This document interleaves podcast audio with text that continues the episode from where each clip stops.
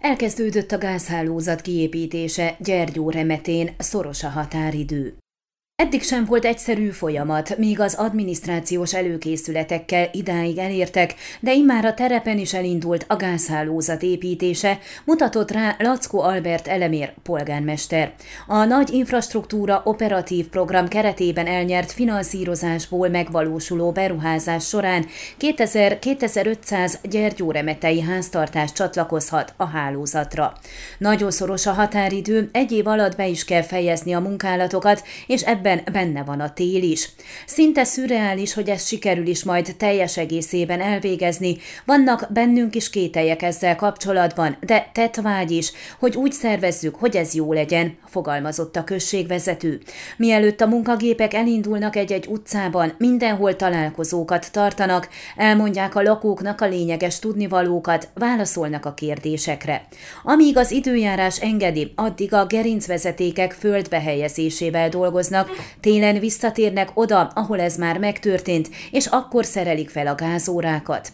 A polgármester abban bízik, hogy addig már a szolgáltató cég kiválasztása is megtörténik.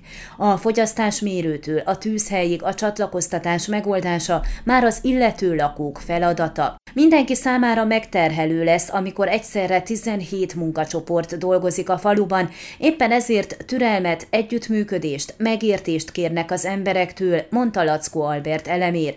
A község arra törekszik, hogy a munkálatok haladtával a kifizetéseket is ütemesen végezze, hiszen jó munkát csak akkor lehet elvárni, ha ez is megfelelően működik, tette hozzá. A polgármester szerint amellett, hogy a nagy arányú fejlesztés megtörténik, problémát fog jelenteni, hogy számos már leaszfaltozott utcát fel kell ásni, és tapasztalatból tudható, hogy az ilyen beavatkozások után még évekig nem lesz olyan az út minősége, mint amilyen előzőleg volt. Ezt helyre kell majd állítani, de előbb most az a fontos, hogy a gázvezetés megtörténjen. Az első találkozók már megtörténtek a vízimalom, az Orgona és a Puskások utca lakóival.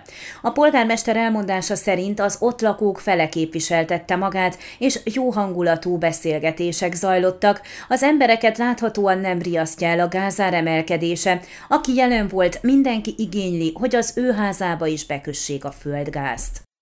Ön a Székelyhon aktuális podcastjét hallgatta. Amennyiben nem akar lemaradni a régió életéről a jövőben sem, akkor iratkozzon fel a csatornára, vagy keresse podcast műsorainkat a székelyhon.pro portálon.